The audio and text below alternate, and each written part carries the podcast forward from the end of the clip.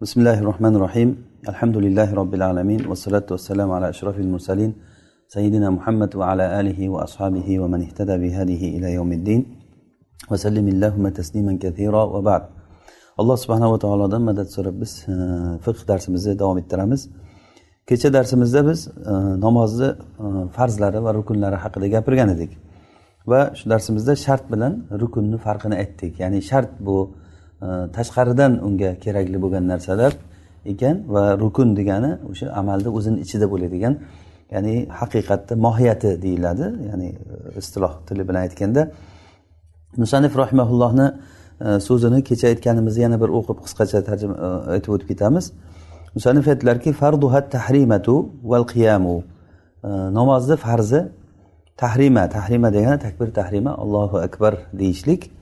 Va namozda qiyomda turishlik qiyom va qiroatu ayatin va bitta oyat o'qishlik.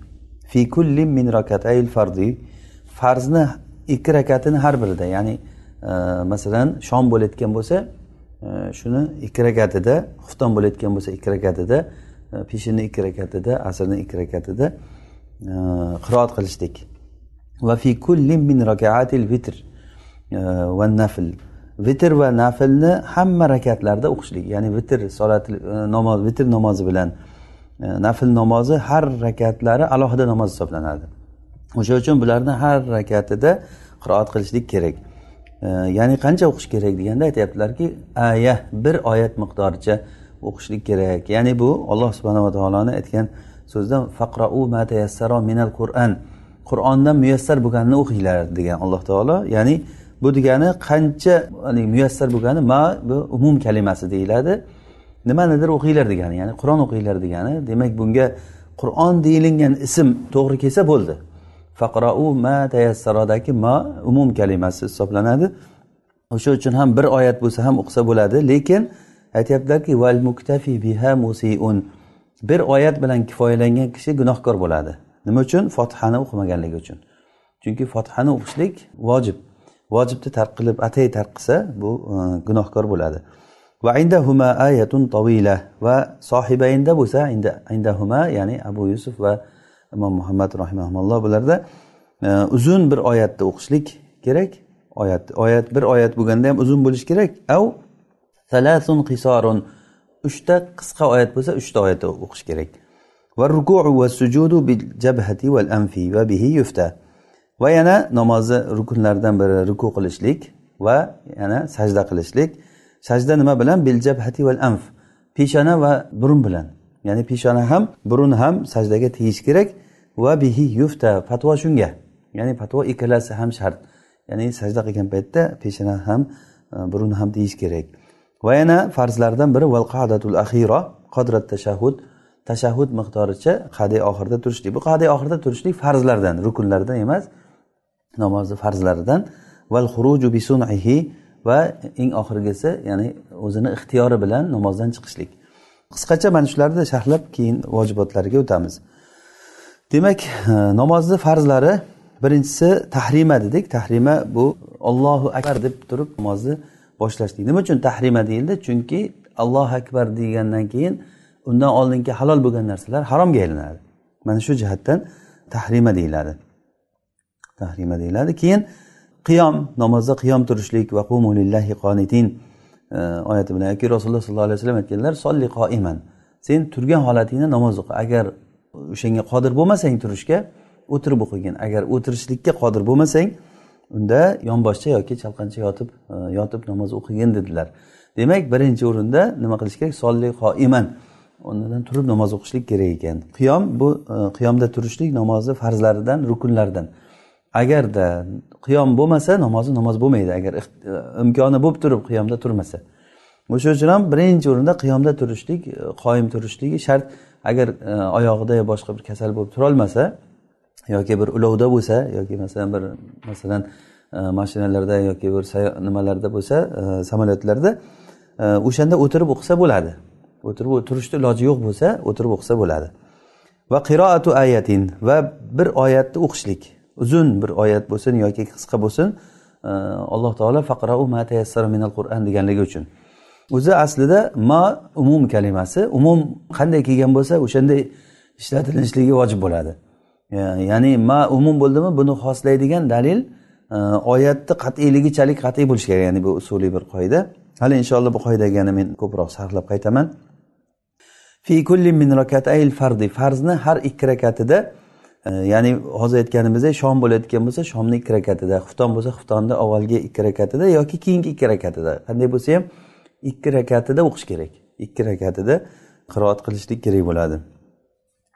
Ho'p rasululloh sollallohu alayhi vasallam namozlari o'zi to'rt rakatli namozlarda avvalgi ikki rakatda o'qirdilar. Avvalgi ikki rakatda qiroat qilardilar va keyingi ikki rakatda uchinchi to'rtinchi rakatlarida fotihani o'qirdilar. Mana sahihaynda rasululloh sollallohu alayhi vasallamdan abu qatada rivoyat qilgan hadisda keladiki nabiy sollallohu alayhi vasallam keyingi ikki rakatda ummul kitobni o'qirdilar. Abu qatada aytyaptilar anna nabiy sallallohu alayhi vasallam kana yaqrau fil uxrayayni bi ummil kitabi kana nabiy sallallohu alayhi vasallam yaqrau fil uxrayayni bi ummil kitab. Rasululloh sollallohu alayhi vasallam keyingi ikki rakatda keyingi ikki rakat masalan xuftonni keyingi ikki rakati uchinchi to'rtinchi rakatlari. Peshinni uchinchi to'rtinchi asrniki uchinchi to'rtinchi ana shularda fotihani o'qirdilar degan. Faqat fotihani o'qirdilar. Ho'p keyin vitr va naflni hamma rakatlarida dedik. Biz aytdikki bu chunki vitr bilan naflni hamma rakatlari alohida namoz hisoblanadi. Alohida namoz hisoblanadi o'sha uchun ham har rakatida e, o'qishligi shart bo'ladi. Endi bir oyat bilan kifoyalanuvchi odam gunohkor bo'ladi deyildi. Nima uchun?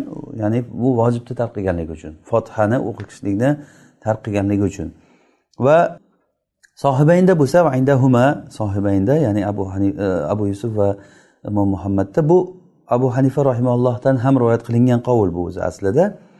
E, mana shu kishilar aytishdiki uzun bir oyat o'qish kerak. Chunki qisqagina bir oyat o'qisa uni qiroat qilyapti demaydi. Masalan bir odam yasin desa bu qiroat qildi demaydi ko'rgan odam. Qof deb to'xtab qolsa qiroat qildi deyilmaydi. Qof val qur'anil majid deb keyin o'qib ketsa davomini ya'ni ha bu qiroat qilyapti ekan deydi ko'rgan odam. Demak o'sha qiroat deganda faqrou bu faqrou amr mutlaq kelyapti. Amr mutlaqni nima bilan tafsir qilamiz? Urf bilan. Ya'ni urfda qaralinganda shu odam qiroat qilyapti deydigan darajada o'qisa e, bu o'sha qiroat bo'ladi. Demak u unday deyilishligi uchun hech yo'q hech bo'lmasa uchta oyat qisqa bo'lsa ham o'qish kerak degan. Masalan men yasin desam eshitib turgan odam nima deyapti ekan bu deb turadi. Keyin val qur'anil hakim innaka laminal mursalin desam nima deydi? Ha qur'on o'qiyapti ekan bu deydi. Demak qur'on o'qinglar degan oyatga qachon amal qilgan bo'lamiz? Qur'on o'qinglar degan oyatga qisqa bo'lsa ham uchta oyatni o'qisa yoki uzun bir oyatni. Masalan innallazina kafaru savaun alayhim a anzartahum am lam tunzirhum la yu'minun desa ha qur'on o'qiyapti bu deydi ko'rgan odam birdan. E, mana bu uzun bir oyat yoki qisqa uch oyat? Mana shu e, narsa. Ya'ni bu oyatni tafsiri shu bilan qilinyapti hozir. Ya'ni faqrou degan oyatni mutlaqini shunday tushunamiz. Keyingi nimasi? Rukunlardan ruku. Ruku qilishlik va sajda qilishlik. Alloh taolo aytganki ya ayyuhallazina amanu rukau vasjudu. Ya ayyuhallazina amanu rkau vasjudu ey iymon keltirganlar ruku qilinglar sajda qilinglar. Bu albatta namozda. Ruku qilishlik sajda qilishlik bu namozda bu. Hop bu narsalar rasululloh sollallohu alayhi vasallamni ishlari bilan mana shunday ko'rsatib berilingan bizga. Alloh subhanava taolo namozda e, bizga namoz o'qinglar deb buyurgan namozni o'qinglar deb buyurgan. Aqimus sola keyin qanday qilib o'qishlikni qur'onda aytmagan. Demak namoz o'qishlikka bo'lgan buyruq bizga keldi. Aqimus solata degan namoz o'qinglar degan. Bu buyruqni usuliy ulamolari buni buyruqni mujmal deyishadi. Ya'ni mujmal degani uni tafsiloti aytilinmagan gap mujmal deyiladi. Haligi bizni o'zbek tilida mujmal desa bir qo'pol gap chiqib ketadi. Mujmal gapi mujmal desa e, ya'ni noaniq gapni ya'ni yaxshi emas gapga ishlatilib ketishi mumkin balkim tushunilishi mumkin. Lekin aslida arab tilida bu istilohda e, usuliy ulamolarda mujmal degani ya'ni umumiy aytilingan gap uni tafsiloti bilan aytmagan masalan namoz o'qishlikni alloh taolo mujmal buyurgan. Aqimus solata degan namoz o'qinglar. Zakotni mujmal buyurgan. Atu zakata. Nimadan beraylik? Qancha beraylik? Qanday beraylik? Qaysi vaqtda beraylik? U narsalarni rasululloh sollallohu alayhi vasallam bizga bayon qilib berganlar. O'zi qur'on rasulullohga nozil bo'ldi nima uchun? Alloh taolo aytadiki biz sizga ey rasululloh qur'onni tushirdik. Odamlarga nozil qilingan narsani bayon qilishligingiz uchun. Demak rasululloh sollallohu alayhi vasallam amallari bizga bayon bo'ladi. Nima demoqchimanki rasululloh sollallohu alayhi vasallam namozlari e, mana shu holatda shunday ko'rsatilaverganlar shu tartib bilan avval e, qiyom keyin ruku keyin sajda mana shu holatda rasululloh sollallohu alayhi vasallam shu tartibni bizga e, ko'rsatib berganlar. Va aytdilarki sollu kamaru aytumuni usolli bizga mana shu gapni agar o'qituvchilar yozib olsa juda yaxshi bo'lardi. E, ya'ni namoz bobida bizga eng asl bo'layotgan gap shu. Sollu kama roaytumuni usolli. Rasululloh aytdilarki men qanday namoz o'qigan bo'lsam ko'rgan bo'lsalaring o'shanday o'qinglar degan. Biz rasululloh sollallohu alayhi vasallamni namozlarini e, rivoyat qiluvchilar orqali eshitdik. Rasululloh bunday qilardilar rasululloh bunday qilardilar. Mana shu fiqh kitoblarida aytilingan gaplar hammasi rasulullohni namozlari bu. Kim o'sha ko'rgan bo'lsa o'sha ko'rganiday tushunganiday rivoyat qilgan. E, bu narsa xuddiki bir kishini gapidek bo'lib qoladi lekin aslida rasululloh sollallohu alayhi vasallamni ishlarini bayon qilib berishlik bo'lyapti bu. Keyin sajda qilishlik sajda qilishlik bu peshona bilan va burun bilan bo'ladi deyildi. Bil jabhati val anf va bihi yufta. Mana shunga fatvo beriladi. Ya'ni ikkosini jamlab birga sajda qilishlikka fatvo beriladi bu.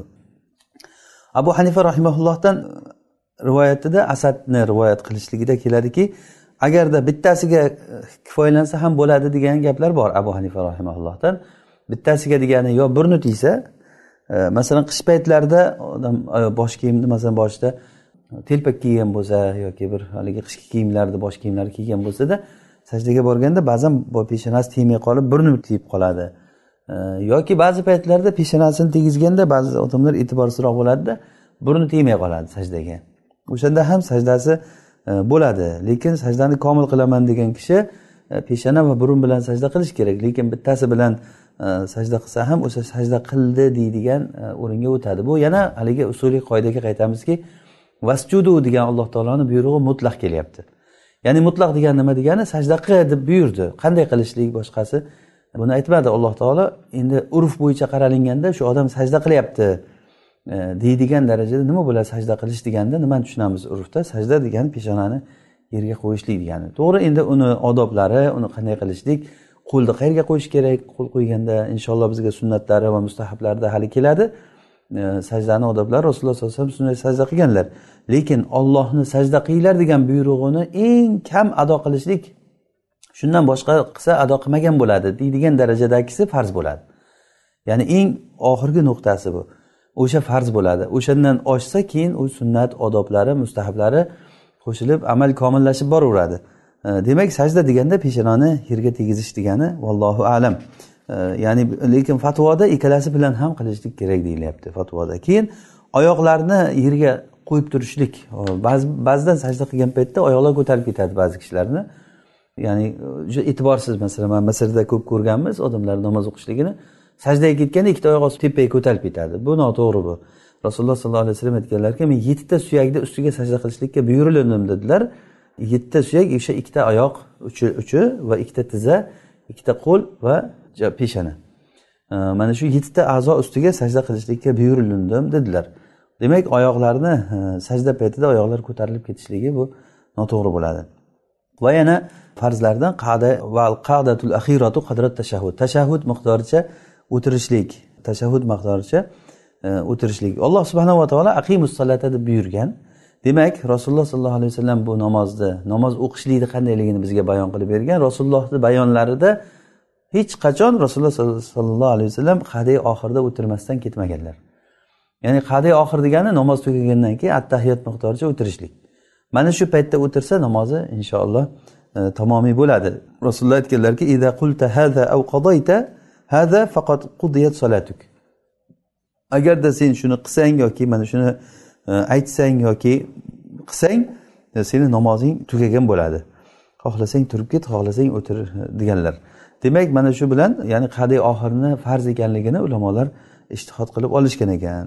Rasululloh sollallohu alayhi vasallamni doimiy qilgan ishlaridan bu. Rasululloh sollallohu alayhi vasallamni ishlari muvozabat bilan ya'ni muvozoba degani hech qo'ymasdan qilgan ishlari. Rasululloh ba'zi ishlarni qilardilarda qilardilar ba'zan qilmaydilar qilmay qo'yardilar. Demak mana shundan bildikki ha u farz emas ekan. Masalan ikki rakat namoz o'qigandan keyin o'tirish kerak to'rt rakatlik namozda. Ikki rakat o'qigandan keyin agar ikki rakatdan o'tirmasdan uchinchi rakatga turib ketib qolsa o'tirmasdan turib ketib qolsa nima bo'ladi bu? Aynan rasululloh sollallohu alayhi vasallam shunday bo'ldilar. Esdan chiqib ya'ni ikki rakatda o'tirmasdan uchga turib ketib to'rt rakat namoz o'qib sajda sahu qildilar. Ha demak bundan bildikki biz demak u o'sha ikki rakatdan keyin o'tirishlik bu farz emas ekan.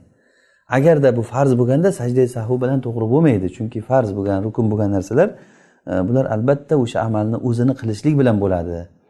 Ya'ni rasululloh sollallohu alayhi vasallamni davomiy ishlarini kuzatish davomida bir amalni farz yoki uni vojib yoki uni sunnat ekanligi kelib chiqadi. Bu biz uchun juda kerakli bo'lgan bir ilm eshigi mana shu gap. Ya'ni rasulullohni ishlarini kuzatamiz. Rasulullohni ishlarini sunnat kitoblarida biz qanday kuzatamiz? O'sha sunnat kitoblaridan buni ham yana osonlashtirishlik fuqarolar shuni bizga yig'ib berib qo'ygan kitoblarida. Xulosa qilib turib olganda endi shu sunnat kitoblaridan yig'indi qilib mana hozir qo'limizga e, namozni farzlari namozni vojiblari namozni sunnatlari deb keltiryapti. Bular qayerdan olingan? Bu butun katta sunnat kitoblaridan rasululloh sollallohu alayhi vasallamni qilgan ishlarini yig'indisi bu. O'shandan keyin aytamiz. Mana shulardan biri e, mana qadi oxir bu ham farz deyildi keyin oxirgisi al xuruj bi namozdan o'zini ixtiyori bilan E, chiqib ketishlik. Ya'ni o'zini besun degani o'zini ishi bilan o'zini ixtiyori bilan chiqib ketishlik. Shuning uchun ham namozda masalan attayat miqdoricha o'tirgandan keyin farz bo'ldi. Endi o'shanda o'zi beixtiyor masalan tahorati sinib qolsa u odam toratini qilib kelib namozni komil qilishi kerak bo'ladi. Ya'ni o'zini ixtiyori bilan chiqmadida ixtiyorsiz chiqib ketib qoldi. Ammo o'zini ixtiyori bilan namozga teskari bo'layotgan ishni qilsa ham qanday bo'lsa ham namozdan chiqib ketsa o'zi asli namozdan chiqishlikni vojibi salom bilan chiqish kerak. Assalomu alaykum rahmatulloh assalomu alaykum rahmatulloh deb salom bilan chiqish kerak. Ana shu salom bilan chiqishligi ya'ni xurujni o'zi chiqishligini o'zi farz bo'ladi. Rasululloh sollallohu alayhi vasallam aytganlar takbir tahrimuha takbir va tahliluha taslim. Ya'ni namozni e, boshlanishida takbir uni harom qilib beradi salom halol qilib beradi. Bu salomni o'zi vojib bo'lgandan keyin salomni o'zi. Ya'ni shu salomni ixtiyor qilib men salom beryapman namozdan chiqmoqchiman degan ixtiyor bo'lyapti mana shu ixtiyor farz bo'ladi. Ya'ni inson o'zini xohishi bilan namozdan chiqishi kerak. O'zini xohishi bilan kirdi takbir bilan kirdimi o'zini ixtiyori bilan namozdan chiqishlik kerak. Mana shu aytgan narsalarimiz namozni farz va rukunlari. Vallohu alam. E, albatta e, ya'ni biz muxtasar kitob o'qiyotgan bo'lganligimiz uchun qisqa qisqa qilib iloji boricha qisqa qilib gapirib ketyapmiz. Inshaalloh alloh qodir qilsa yana bir hali fiqh darslariga kengroq kitoblarni sharhlaganimizda inshaalloh bu masalalarga yana qaytadan kirishamiz inshaalloh. Ho'p keyin musannif rahimulloh aytadilarki vajibatu sola namozni vojibotlari. Demak namozni hozir biz shartlarini o'tdik shart nimaligini bildik va rukunlar va farzlarini o'tdik ha? Endi vojibotlari. Vojib bilan farzni farqi shuki farz bu qat'iy dalillar bilan sobit bo'lgan narsa farz deyiladi. Hozir biz aytgan narsalar hammasi qat'iy dalillar bilan sobit bo'lgan. Ammo vojiblar bo'layotgan bo'lsa bu zonniy dalillar bilan e, sobit bo'lgan va yana vojibni qilmasa gunohkor bo'ladi lekin o'sha amali amalga o'taveradi. Farzni qilmasa ham gunohkor bo'ladi ham u amali amalga o'tmaydi. Farzni qilmasa ham amali amalga o'tmaydi. Hozir biz aytayotgan narsalar namozni vojibotlari usiz ham namoz bo'laveradi lekin gunohkor bo'ladi. usiz ham namoz bo'laveradi lekin gunohkor bo'ladi. Shuni qanday hozir aytamiz mana.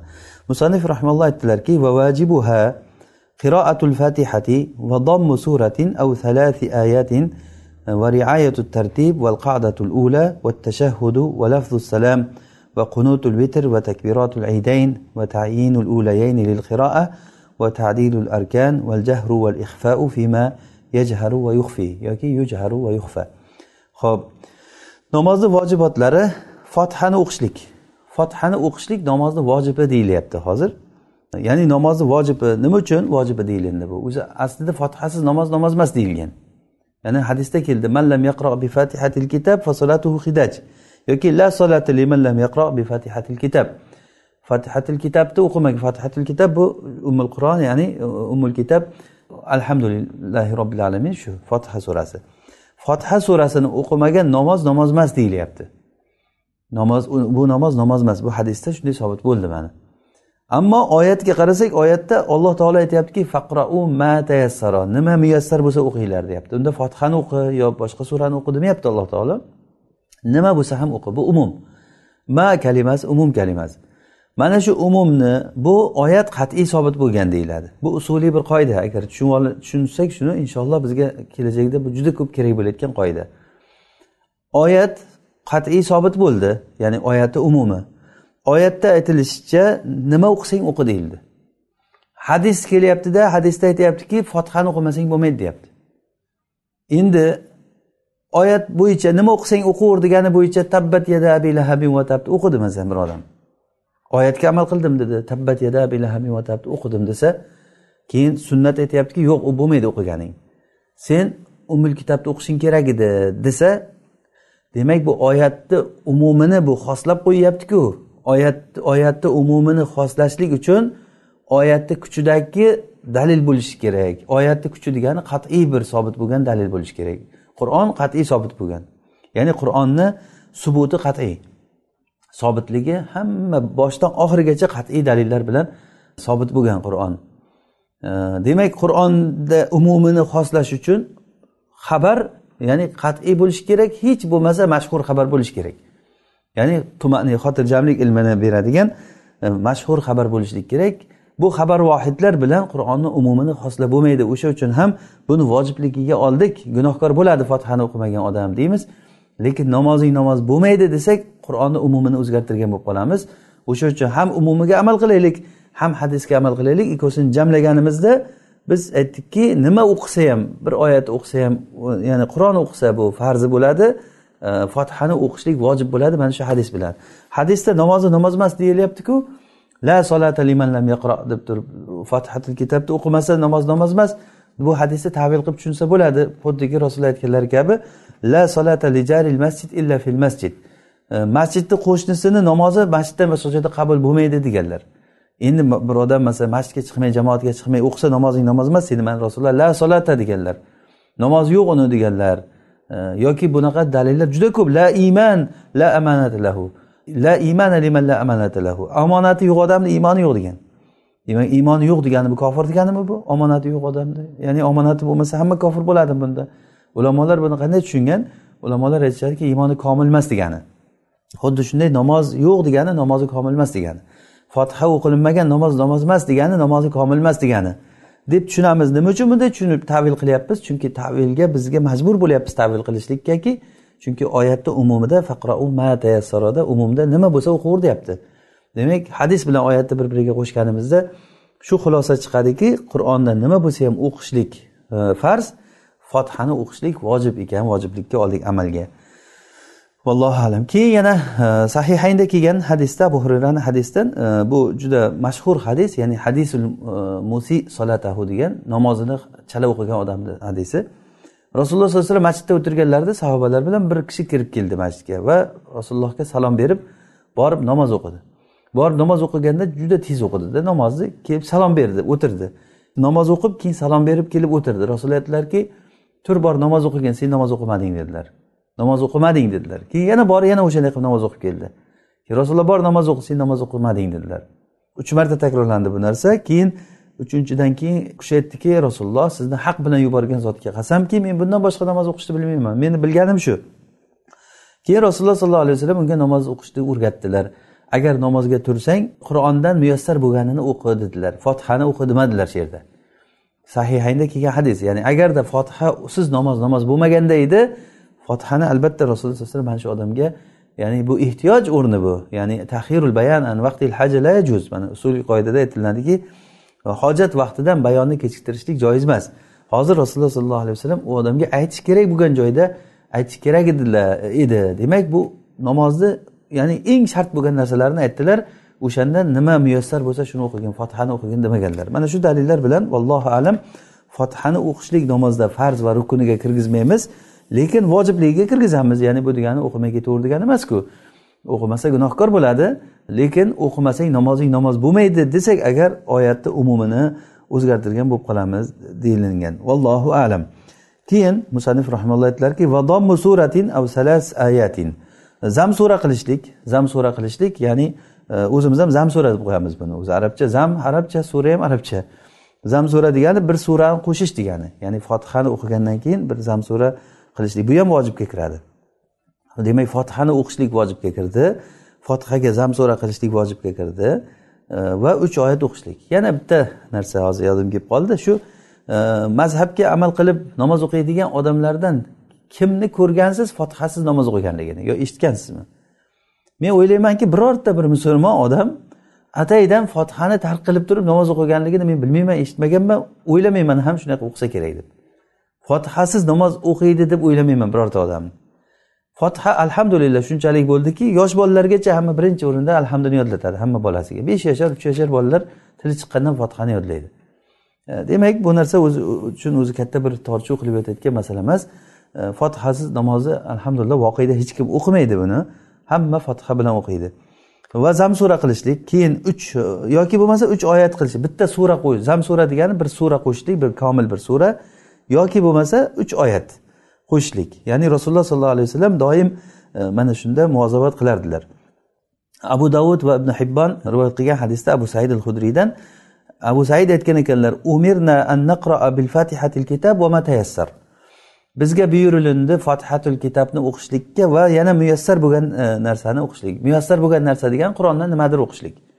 Qur'on bu zam sura deb qo'yamiz biz o'sha zam sura o'qishlikka buyurilindik e, demak mana bular bilan rasululloh sollallohu alayhi vasallamni doimiy qilgan ishlarini muvozabatlaridan uni vojibligi kelib chiqadi. Ya'ni zam sura qilishlik demak vojib ekan. Va yana namozni e, vojiblaridan biri tartibga rioya qilishlik riayatu tartib.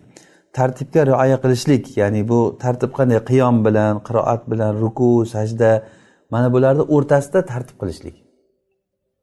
Masalan tartib qilmay o'qisa bir odam masalan ollohu akbar deb namoz o'qidi namozga kirishdida ollohu akbar dedida ruku rukuga ketdi. Samiallohu liman hamidah deb rukudan turgandan keyin bu keyin fotihani o'qidi masalan. Rukudan turib keyin fotihani o'qib zamsura qilib keyin sajdaga ketdi. Bu tartibsiz namoz o'qiyapti. Tartibsiz. Mana bu vojibni tark qilyapti gunohkor bo'ladi bu odam. Demak tartibga rioya qilishlik e, bu vojib bo'ladi. Zufar aytgan ekanlarki tartibga rioya qilishlik farz bo'ladi. Chunki rasululloh sollallohu alayhi vasallam biz yuqorida aytganimiz kabi alloh taolo oyatda aqimus sola deb mujmal aytdimi? E, mujmal ya'ni mujmalni tushundik ma'nosini nimaligini? Ya'ni umumiy aytilgan namoz o'qinglar degan. Qanday o'qishlik qanaqa o'qishlikni aytmagan e, rasululloh sollallohu alayhi vasallam buni bayon qilib berdilar. Rasululloh bayon qilgan namozda qachon tartibsiz namoz o'qiganlar? Biror marta men hozir aytganimdek qilib ruku qilib rukudan turib qiroat qilganlarmi? Hech qachon rasululloh sollallohu alayhi vasallam tartibni buzmaganlarku. Agarda shu bilan tartib farz bo'ladi deb aytganlar. Ya'ni buni kim aytyapti? Zufar. Zufar abu hanifa rahimallohni shogirdlaridan ya'ni imom hasan muhammad ibn hasan abu yusuf va e, zufar bu kishilar abu hanifa rahimallohdan u kishini fatvolarini rivoyat qilgan shogirdlari. Zufar aytgan ekanlarki o'sha nima tartib farz degan. Chunki namoz mujmal edi rasululloh sollallohu alayhi vasallam bayon qilib berdilar bayonlari shunaqa bo'lgan. Lekin rasululloh sollallohu alayhi vasallam o'sha tartibni ba'zan esdan chiqarib buzib qo'ygan joylari bor. Masalan e, qadida o'tirmasdan turib ketganliklari bor e, yoki namozni ikki rakat o'qib salom berib qo'yganliklari bor namozni tartibi buzilgan holatlarda keyin davom ettirib ketgan. Demak bu farz bo'lganda edi namoz boshqatdan o'qish kerak edi. Tartibga rioya qilishlik vojibligi shu yerdan. Lekin tartibni hech qachon rioya qilishlikdan hech qachon o'zi ixtiyor paytda esdan chiqmagan paytda biror marta tark qilmaganliklaridan uni vojibligi kelib chiqadi. E, va farz emasligi hozir men aytganimdan kelib chiqadi deb aytilyapti. Vallohu alam. Yana namozni vojiblaridan val qadatul ula. Birinchi qadada o'tirishlik ya'ni birinchi qada degani to'rt rakatlik namozni ikki rakatdan keyin o'tiriladiku ana shu o'tirishlik bu vojib. Agar o'tirmasdan turib ketib qolsa vojib tark bo'ladi. Vojib tark bo'lsa nima bo'ladi? Vojib tark bo'lsa sajda sahu qilish kerak. Agar vojibni atay tark qilsa gunohkor bo'ladi bu odam. Gunohkor bo'ladi bu atay tark qilsa. Agar masxara qilib tark qilsa u dindan ham chiqadi odam. Agar masxara qilib e, qiladigan bo'lsa agar ataydan e, shoshilib yo boshqa bir anavi bilan tark qiladigan bo'lsa gunohkor bo'ladi. Ammo bilmasdan tark qilsa sajda sahu qilib namozi to'g'ri bo'ladi. Demak qadatul ula birinchi qadasi bu vojib bu. Vojibligi qayerdan? Rasululloh sollallohu alayhi vasallam doim muvozabat qilganlar. Esdan chiqqan paytda tark qilganliklaridan bildikki bu ha demak bu farz emas ekan. Agar farz bo'lganda buni qilish kerak edi. O'sha amalni o'zini qilmasdan turib bo'lmaydi. Farz amalni o'zini keltirmasdan turib o'zini qilmasdan turib uni o'rnini hech narsa bosolmaydi. Farzni o'rnini hech narsa bosolmaydi illo o'sha o'zini qilish kerak o'sha amalni demak bu qaday o'lada qaday o'la degan birinchi qada ikki rakatdan keyin o'tirishlik. Ana shuni o'tirmay turib ketganlarda sajda sahu bilan to'g'ri bo'ldi. Demak bu nima ekan? Vojib ekan. Farz emas ekan. Vojibligini qayerdan oldik? Vojibligi rasululloh muvozabat qildilar. Muvozabat degani nima degani ekan? Davomiy qilishlik. Rasululloh sollallohu alayhi vasallam hech qachon uni tark qilmasdan doim shunda davomiy muvozabatda davomiylikda bo'lganlar. Hop keyin tashahhud aytishlik. Tashahhudni aytishlik bu ham namozni vojiblaridan. Tashahhudni bilamiz. Attahiyatu lillahi vassalavatu vattoyibat e, tashahhudni aytishlik. Ya'ni e, rasululloh sollallohu alayhi vasallam ibn masudga xuddi shunday o'rgatganlar. Ibn masudga qul attahiyatu lillahi va vattoyibat assalomu alaykum ayyuhan nabiy va rahmatullohi va hammamiz yodlaganmiz o'sha tashahhud. Mana shuni aytishlik. Va yana namozni farz nimalardan? Vojiblaridan. Lafzu salom salom lafzi. Salom lafzini aytishlik. Bu nima? E, vojiblardan. Ya'ni bu namozdan chiqishlik salom bilan chiqishlik vojib. Salom bilan chiqishlik vojib. Ya'ni rasululloh sollallohu alayhi vasallam aytdilarki tahrimuha takbir va tahliluha at taslim namozni harom qilayotgan narsa harom qilayotgan degani namozga kirgan odam namozga kirgan odam boshqa amallari harom bo'lib qoladi. Bilamiz masalan gapirish harom ovqat yeyish harom suv ichishlik harom. Namozni amalidan boshqa narsa harom. Yoq bu yoqqa qarashlik ham mumkin emas. Harakat mumkin emas ortiqcha harakat mumkin emas. Hammamiz yaxshi bilamiz buni. Mana shu harom qiladigan narsa nima bo'ldi? Ollohu akbar deyishligi. Endi halol qiladigan mana shu harom narsalarni halol qilib berayotgan narsa nima? Salom. Assalomu alaykum rahmatulloh deb salom berishligi. Nabiy sallallohu alayhi vasallam o'sha nimaga? Haligi arobiyga namoz o'rgatgan paytlarida salomni o'rgatmadilar. Sen salom bilan chiqasan. Deb e, demak agar bu farz bo'lganda o'sha turib namozini chala o'qigan odamga o'rgatdilar rasululloh sollallohu alayhi vasallam namozni o'shanda salomni aytmadilar. Demak rasululloh aytgan gaplari o'sha eng farz bo'lgan eng muhim bo'lgan narsalarni usiz namoz namoz bo'lmaydigan narsani arobiyga o'rgatganlar. O'shanda salom bilan chiqishlikni aytmaganlar.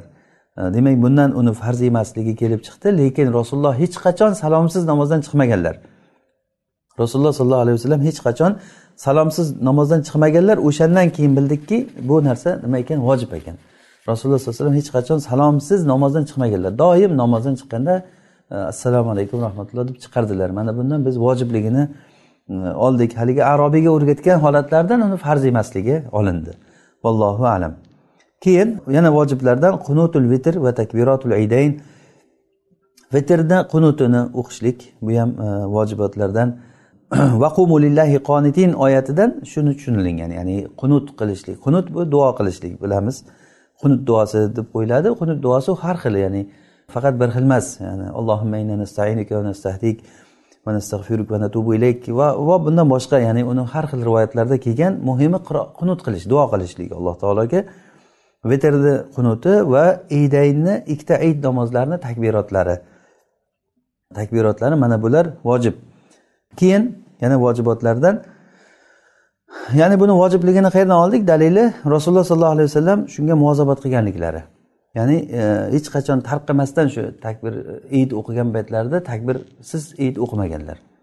E, demak rasululloh sallallohu alayhi vasallam id namozini o'qiganlarida doim takbir bilan o'qigan ekanlar. O'shandan biz bildikki buni vojibligini. Yana vojibotlardan va tayinur rakatayni al ulayayni lil qiroa ya'ni qiroat uchun avvalgi ikkita rakatni tayin qilishlik qiroatga. Ya'ni to'rt rakat namoz. Mana shu to'rt rakat namozni bu birinchi ikkinchi rakatini qiroatga tayin qilishlik. Mana shu ikki rakatda qiroat qilishlik. Mana shu vojib. Ya'ni umuman ikki rakatida o'qishlik farz. Masalan qarang to'rt rakatli namozni yo bir ikkisida o'qishlik yo uch to'rtida o'qishlik farz. Endi bir ikkisini tayin qilishlik uch to'rtta fotihani o'qib turib bir bilan ikkida qiroat qilib fotihani va qiroat qilib o'qishlik mana bu nima? Vojib bo'ladi. Bizda yana boya aytganimizdek amalda qarangki hech kim birinchi ikkinchi rakatida qiroat qilmay namoz o'qimaydi. Esdan chiqib bir nodir holat bo'lmasa birinchi ikkinchi rakatida amal shu bilan hammada quyilib qolgan. Amal shunga sobit bo'lib kelgan alhamdulillah namoz o'qiyotgan odamlar hammasi biladiki birinchi ikkinchi rakatida fotiha o'qib unga zamsura qilinadi. Umar roziyallohu anhudan shu rivoyat qilinadiki ya'ni namoz o'qigan paytlarida e, shomni e, birinchi rakatida qiroat qilmadilar.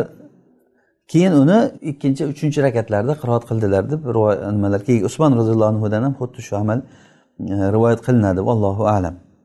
Va tadilul arkan va rukunlarni tadil qilishlik ya'ni tadil arkan degani yana namozni vojibotlaridan biri rukunlarni tadil qilishlik. Ya'ni tadil degani ya'ni shoshilmasdan qilishlik. Masalan qiyomda turibdimi? Qiyomda shunday suyaklari joy joyiga kelib xotirjam turishligi.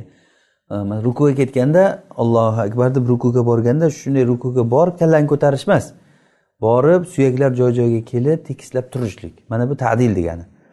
Subhana robbiyal azim subhana robbiyal azim subhana robbiyal azim deydigan darajada xotirjam o'qishlik. Mana bu vojib bo'ladi. Agar xotirjamlik bilan o'qimasa namozni u vojibi tark bo'ladi gunohkor bo'ladi. Lekin farzi ado bo'lmaydimi? Farzi ado bo'lmaydi desak agar bu oyatdagi varkau vasjudu degan oyatni mutlaqini qaytlab qo'ygan bo'lib qolamiz deyishadi. Bu usuliy qoida. Ya'ni usulda bir qoida bor. Usuliylar aytishadiki al mutlaq yajri ala itloqihi val muqayyad yajri ala taqyirihi. Mutlaq mutlaqligicha joriy bo'lishligi shart. Ya'ni shariatda nima mutlaq keldimi uni qaytlash uchun dalil kerak. Nimaki muqayyat keldimi qaytlanib keldimi uni qaytlanib olib tashlashlik uchun dalil kerak olib tashlasa u shariatga o'zgartirish kiritgan bo'lib qoladi. Shariatda nima kelgan bo'lsa shunga amal qilishimiz kerak. Ho'p endi ruku sujud qanday keldi? Qur'onda nima dedi? Alloh taolo varkau vasjudu ruku qilinglar sajda qilinglar ruku qilinglar deganda xotirjam qilinglar dedimi? Yo'q. Sajda qilinglar deganda xotirjam qilinglar dedimi? Yo'q. Xotirjam qilishlikni qayerdan oldik? Hadisdan oldik. Summarka hatta tatmainna rokian summasjud hatta tatmainna sajidan. Ruku qilgin shu ruku qilganingda xotirjam ruku qilgin. Sajda qilgin sajda qilganingda xotirjam sajda qilgin. Xotirjam bo'lgin degan so'zlari bilan rasulullohni e, bildikki demak bu narsa e, o'sha nima qilish kerak ekan deb. Lekin agarda bir odam ollohu akbar deb turib samiallohu liman hamida desa tadil bo'lmasa qarab o'tirgan odam bu nima qildi desa ruku qildi deyiladi. Ruku qildi varkau degan oyatga amal qildi lekin rasulullohni hadislariga amal qilmadi. Rasululloh nima dedilar? Summarka ruku qilgin hatta tatmainna rokian ruku qilganingda xotirjam bo'lgin degan. Demak o'sha xotirjamlik bilan qilmadi bu odam. Gunohkor bo'lyapti rasulullohni aytganlarini qilmaganligi uchun. Lekin bu odam agarda buni rukusi ruku emas desak oyatdagi ruku qilinglar degan mutlaqni o'zgartirgan bo'lib qolamiz deyishadi. Oyatni mutlaqini o'zgartirishlik uchun mutlaqiga masalan oyatda varkau degan mutlaq buyruqni varkau bittumanina xotirjamlik bilan ruku qilinglar degan qaydini berishligimiz uchun oyatni kuchidagi xabar kerak bizga. Ya'ni shu hadis hech yo'qda hech bo'lmasa mashhur xabar bo'lishlik kerak. O'zi xabarlar xabar vohid xabar mashhur va xabar mutavotir. Mutavotir xabar bo'lishi kerak yoki hech bo'lmasa mashhur xabar bo'lishi kerak. Lekin bu hozir biz aytayotgan xabar xabar vohid bu xabar vohid bu zonni ifoda qiladi. Ya'ni usuliy bir qoidani aytyapman men hozir. Zonni ifoda qiladi bu oyatni mutlaqini qaytlasa bu nasx bo'lib qoladi deydi gaplarim. Balkim e, murakkabroq chiqib ketdi. Inshaalloh yana bir dars davomida buni sekin sekin aytib boraveramiz. Yana tushunarli bo'laveradi. Ya'ni hozir e, yana bir aytay mana qarang. Oyatda mutlaq aytilindi. Oyatda ruku qil dedi. Xotirjam qil demadi. Xotirjam qil deyishlik nimadan keldi? Hadis bilan keldi. Demak bu hadis oyatni mutlaqini o'zgartiryaptimi? O'zgartiryapti. Demak o'zgartirish darajasigacha borish uchun u oyatni kuchida bo'lishi kerak. Oyatni kuchida bo'lishi kerak ya'ni bunday umuman aytganda. Oyatni kuchida bo'lmagandan keyin uni qo'shib amal qilishlikka majbur bo'lamiz. Hadis tashlab yuboramiz degani emas bu. Hadisni oyatga qo'shib amal qilamiz. Ya'ni bu degani qo'shganimiz uchun uni vojiblikka kirgizyapmiz. Qilish kerak gunohkor bo'ladi qilmasa deb aytyapmiz shu hadisga amal qilishlik uchun. Lekin agar mabodo qilmay qolsa bu bo'lmaydi desak oyatni mutlaqini yo'qotgan bo'lamiz. O'shaning uchun oyatga ham hadisga ham amal qilishligimiz uchun biz uni farzligiga oldik mutlaq rukuni mutlaq sajdani farzligiga olamiz va e, tadilul arkanni xotirjam qilishlik xotirjam bo'lish bo'lib qilishlikni e, vojiblikka olamiz deyilgan. Vallohu alam. Ho'p buni aslisi o'sha hozirgi e, arobiyni hadisi. Arobiy kelib turib namozini chala o'qiganda e, buni ko'p aytaveramiz namoz kitobimiz. Tugaguncha shu gap kelaveradi. Hadisil arobiy ya'ni namozini chala o'qigan odamga rasululloh sollallohu alayhi vasallam e, sen ruku qilgin xotirjam bo'lib ruku qilgin xotirjam bo'lib sajda qilgin xotirjam bo'lib qiyomda turgin xotirjam bo'lib o'tirgin o'shanda xotirjam tumanina bilan xotirjamlik bilan qilishlikni rasululloh sollallohu alayhi vasallam takror takror qilib aytganlar. Va yana namozni vojibotlaridan e, val jahru val ixfa fima yajharu va yuxfi jahriy va maxfiy o'qiydigan namozlarda namozlarda jahriy qilish va maxfiy qilishlik. Rasululloh sollallohu alayhi vasallam e, namozlarini bizga jahriylarini ko'rsatib berdilar. Masalan bomdodni jahriy o'qiymiz va shomni ikki rakatini jahriy o'qiymiz xuftonni ikki rakatini jahriy o'qiymiz jumani jahriy o'qiymiz hayit namozlarini jahriy o'qiymiz. Bularni qayerdan oldik bular? Rasululloh sollallohu alayhi vasallam ko'rsatib berganlar amal mana shu bilan sobit bu bo'ldi. Hamma sunan kitoblarida rasulullohni namozlari mana shunday bayon qilingan. Rasululloh aytdilarki sollu kamaru aytumuni usolli meni namoz o'qishimni ko'rganlaringday namoz o'qinglar. Men buni takror aytaveraman yodlab qolishlaringiz uchun. Ya'ni sollu kamaru aytumuni usolli meni namoz o'qishligimni ko'rganlaringday namoz o'qinglar. Rasululloh sollallohu alayhi vasallam namozlari maxfiylari qanday bo'lgan jahriylari qanday bo'lgan?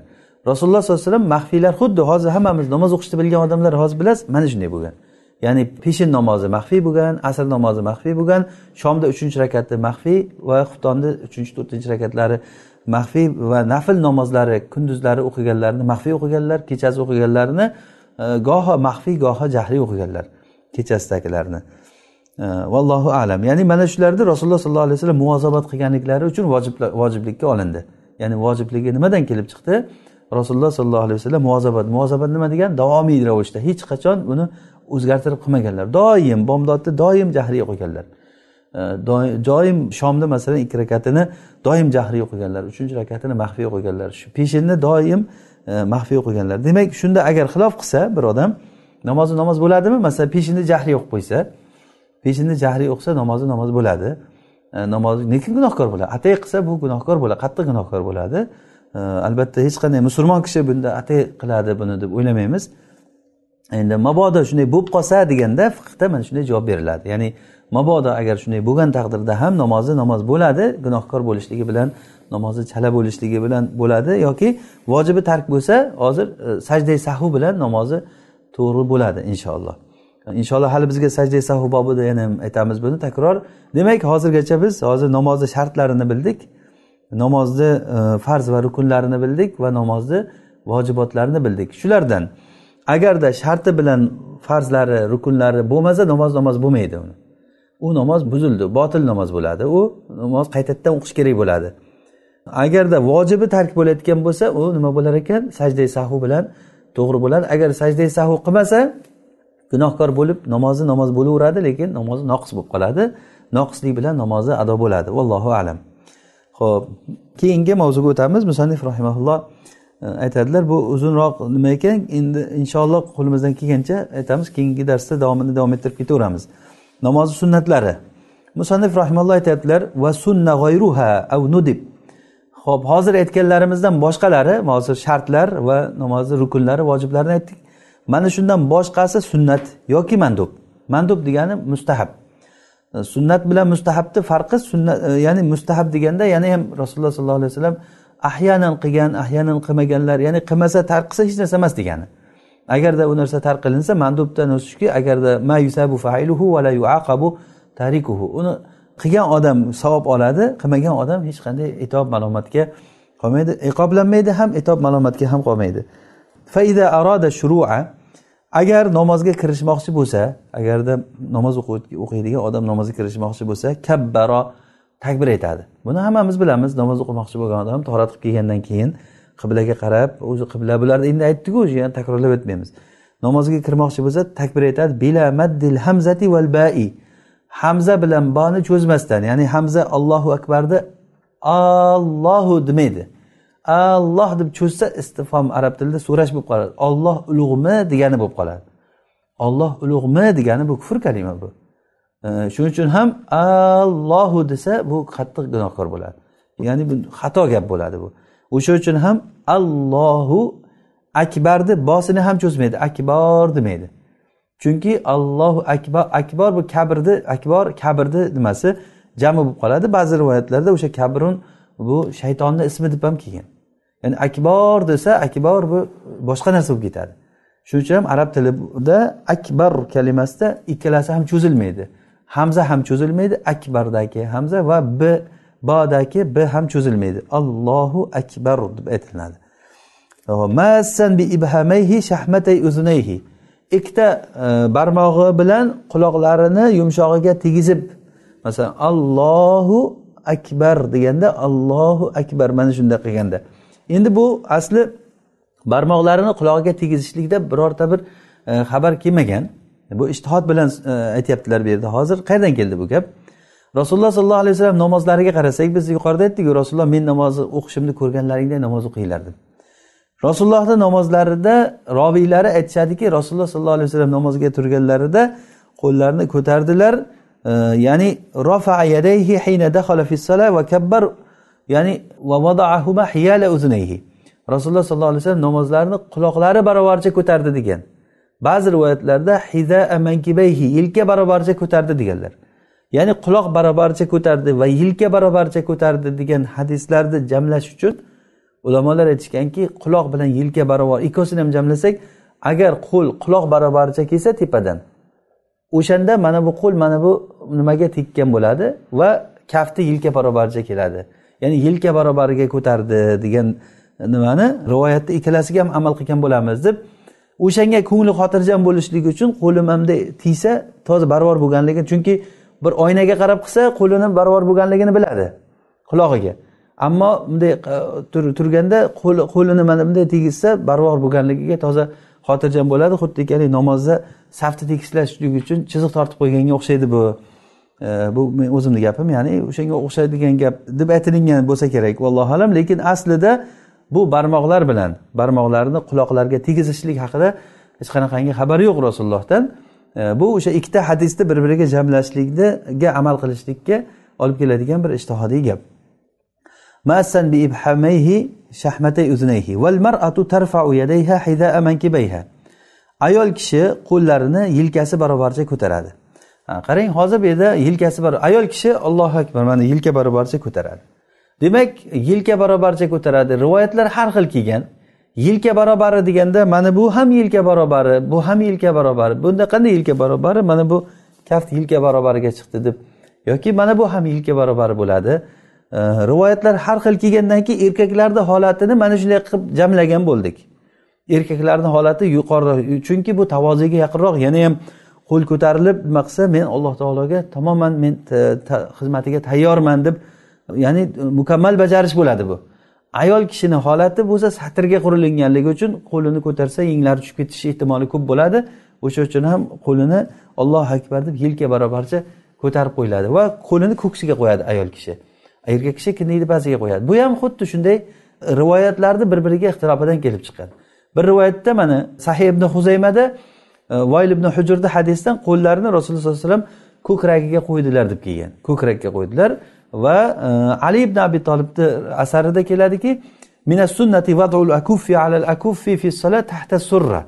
Ya'ni namozda o'ng qo'lni chap qo'lni ustiga qo'yishlik va kindikni tagiga qo'yishlik. Demak hozir ali roziyallohu anhuni asarida kindikni tagiga qo'yishlik kelyapti va e, sahih ibn huzaymada e, voyl ibn hujurni hadisida ko'krakka qo'yishlik xabari kelyapti. Ikkita hadis bir biriga teskari kelyapti. Bittasi kindik tepasiga bittasi kindik tepasiga jamlaymiz desak jamlab bo'lmaydi. Jamlashlikni iloji bo'lmagandan keyin keyin biz nima qilamiz? Erkaklarni holati qiyosga qaytib turib qarasa erkaklarni holati ya'ni kindikni pastiga qo'ysa qo'lini tavoziga yaqinroq. Tavoziga yaqinroq. Ko'krakka qo'yishlik bu ayollarniki satrga yaqinroq. Shuning uchun ham ayollar e, ko'kragiga qo'yadi erkaklar kiniyni pastiga qo'yadi. Imkon boricha ikkala hadisga ham amal qilgan bo'ldik. Bu ishtihodiy masala. Keyin yana bu mustahab narsalar bular. Mustahab narsa bo'lgandan keyin bu narsada e, juda katta talash tortishlikka olib borayotgan narsa emas bu. E'tibor berganingiz kabi hozir iloji boricha imomlarni maqsadi rasulullohni gaplarini tushunishlik va gaplarni hadislarni bir biriga jamlash va amal qilishlik. Har kim o'zini tushunchasiga qarab amal qilgan. Demak mana shundan kelib chiqib o'sha erkaklar mana shunday qo'llarini ko'tarishligi va ayollar yelka barvar qilishligi xabarlar har xil kelganligidan uni jamlashlik uchun jamlashni iloji bo'lmaganligidan keyin e, iloji boricha erkaklarni holati tavoziga qaysi yaqinroq? Namozni ruhiga qaysi yaqinroq? Erkaklarni namozi bilan ayollarni namozini ruhiyatida farqi shuki o'zi asli ruhiyati deganimiz tavozi boshqada bir xil lekin ayollarniki yana qo'shimcha satr holati ham bor. Ayollarniki satr holati ham bor. O'sha uchun ayollarniki satrliroq holati. Masalan shuning uchun ovozini chiqarib o'qimaydi ular. Shuning uchun ayollar safda erkaklarni yonida turmaydi orqada turadi ayollar. Azon aytmaydi takbir aytmaydi. Ayollarni holati hatto jamoat namozlariga o'zi ayollar chiqishligi erkaklarchalik taklif emas. Ixtiyor ya'ni chiqsa chiqsin chiqsa man qilmaymiz lekin ya'ni bu erkaklarda jamoatga chiqishlik kerak degan gap emas demak ayollarni holati erkaklarnikidan farqli joylari bor. Ulardan eng katta farqlisi satrga qurilgan ayollarniki ya'ni iloji boricha ya'ni satrli bo'lishligi kerak. Mana shu qo'lni ko'tarishlikda baland ko'targandan ko'ra qo'lini yelka barobarcha ko'tarsa bu kiyimlari ham bu qo'llari ochilib qolmaydi ya'ni satrga yaqinroq bo'ladi. Allohu akbar deganda va yana qo'lini pastga qo'yishda qo'yishdan ko'ra tepaga nima qilsa kiyimlarni ushlab nima qilib satr qilib turishlikka yana ham yaqinroq bo'ladi. Ayollarni holati allohu alam. Demak ayol kishi qo'llarini yelkalari barobarcha ko'taradi. Buni hozir aytdik.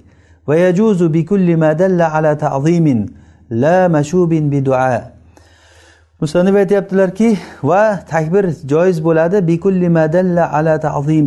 Ta'zimga dalolat qilgan har bir narsa bilan ya'ni ta'zimga dalolat qilgan har bir narsa bilan ta'zim deganda alloh taoloni ulug'laydigan mana namoz boshlanganda ollohu akbar deb boshlanadi. Hozir musannif aytyaptilarki ollohu akbar degani o'zi ollohni ulug' degani. Buni dalili nima? Alloh taolo fasolli robbika vanhar yoki bo'lmasa sabbihisma sabbih robbikal a'la alloh taoloni ulug'lashlik ya'ni alloh taoloni ulug'lashlikda o'sha akbar deb ulug'lashlikni ma'nosi xuddiki allohu azam allohul azim allohul e, majid ulug'likka olib kelayotgan har qanday kalima bilan namozni boshlasa bo'ladi deb bu ishtihod bilan aytgan bu kishi. Ishtihod abu hanifa rahimallohni bir ishtihodotlari boshqa bir ishtihodotda abu hanifa rahimaulloh allohu akbardan boshqa so'z bilan boshqa zikr bilan boshlasa bo'lmaydi deganlar. Chunki rasululloh sollallohu alayhi vasallamni namozlarini davomiy biz namozlarni kuzataylik biror marta allohul avom deb namoz boshlagan emaslar. Endi mabodo bir bir odam shunday qilib o'qib qo'ysa namozi namozmi? degan gapga javob bo'lyapti bu yerda hozir. Bir odam masalan allohu akbar demasdan allohul azim deb namoz boshlab yuboribdi ekan. Bo'ladimi shu? desa aynan allohu akbarni ma'nosi shu allohul azimda allohul majidda bo'ladi lekin unda duo bo'lmaslik kerak. Duo aralashgan allohimma deb boshlansa masalan allohimma anta robbiy desa masalan allohimma anta robbiy deb namoz boshlasa bu duo bo'ladi. Yani yoki ollohimma deb aytib qo'ysa masalan ey ollohim ollohim mag'firli deb boshlasa masalan namozini ey ollohim meni kechir deb duo bilan boshlasa bu duoda tazim ma'nosi ollohu akbarchalik emas. O'sha uchun ham e, o'sha e, ko'zlangan maqsad bo'lmay qoladi. Shuning uchun ham duo aralashmagan e, bo'lishi kerak. Duo aralashmagan narsa bilan bo'lishi kerak degan gaplari shu. Agar forscha bilan bo'lsa ham deyilyapti. Ya'ni forscha agarda arabchani eplolmaydigan bu degani masalan bir odam endi islomga kirdi. Bir fors odam bu misol uchun aytilyapti ya'ni fors odam endi islomga kirdi arabchani umuman bilmaydi. O'sha odam o'zicha bir masalan o'zini lug'atida masalan namozni bir o'rgansada olloh uchun deb olloh ulug' deb e, o'zini lug'atida aytsa o'sha bo'ladimi yo'qmi namozga o'tadimi yo'qmi deganga javob bo'lyapti. Albatta e, alloh taolo insonni toqatidan tashqari narsani yuklamaydi e, bo'ladi. Ammo va robbaka fakabbir oyatida robbaka fakabbir ya'ni robbaka faazim. Robbingni ulug'la degani akbarnahu. Mana yusuf surasida ayollar yusuf alayhissalomni ko'rgan paytda akbarnahu. Ya'ni ay azzomnahu ya'ni yusuf alayhissalomni ular ko'rgan paytlarida e, juda buyuk deb ulug'lab yubordilar degani. Demak e, va robbaka fakabbir oyatida robbingni ulug'la. Mana shuni takbir tahrimaga dalil qilishadi ulamolar robbaka fakabbir Э, ya'ni takbir tahrimada ollohni ulug'la degani bu ollohu akbar bilan bo'ladi bu. Lekin o'zi aslida o'zi asl sahihi abu hanifa rahimallohdan bu naql qilingan ollohu akbardan boshqasi bo'lmaydi. Chunki ollohu akbarchalik bu e, nima bilan zikr bilan buni ma'nosini boshqa narsa bilan ifoda qilib bo'lmaydi. E, zikrlarni darslarimizda bir shu allohu akbar haqida e, gapirgandik bir dars gapirgan edik shunda. Allohu alam o'sha darsga balkim e, havola qilaman men. Chunki o'sha nimada aytgan edikki allohu akbardagi ma'noni boshqa ismlardan u ma'no chiqmaydi. Bu narsa taabbudiy narsa. Taabbudiy bo'lgandan keyin albatta qanday rasululloh sollallohu alayhi vasallam o'qigan bo'lsalar rasululloh qanday qilgan bo'lsalar o'shanday qilishligimiz kerak bo'ladi. Vallohu alam. Vaqtimiz ham bo'lib qolibdi. Inshaalloh bu darsimizda inshaalloh ertadan yana davom ettiramiz alloh subhanava taolo bilmaganlarimizni o'rgatsin o'rganganlarimizga amal qilishlikka alloh tavfiq bersin alloh taolo darslarimizni davomiy va barakotli qilsin هذا ما أعلم ربنا تعالى أعلى وأعلم سبحانك اللهم وبحمدك نشهد أن لا إله إلا أنت نستغفرك ونتوب إليك صل اللهم وبارك على عبدك ونبيك محمد عليه الصلاة والسلام والسلام عليكم ورحمة الله وبركاته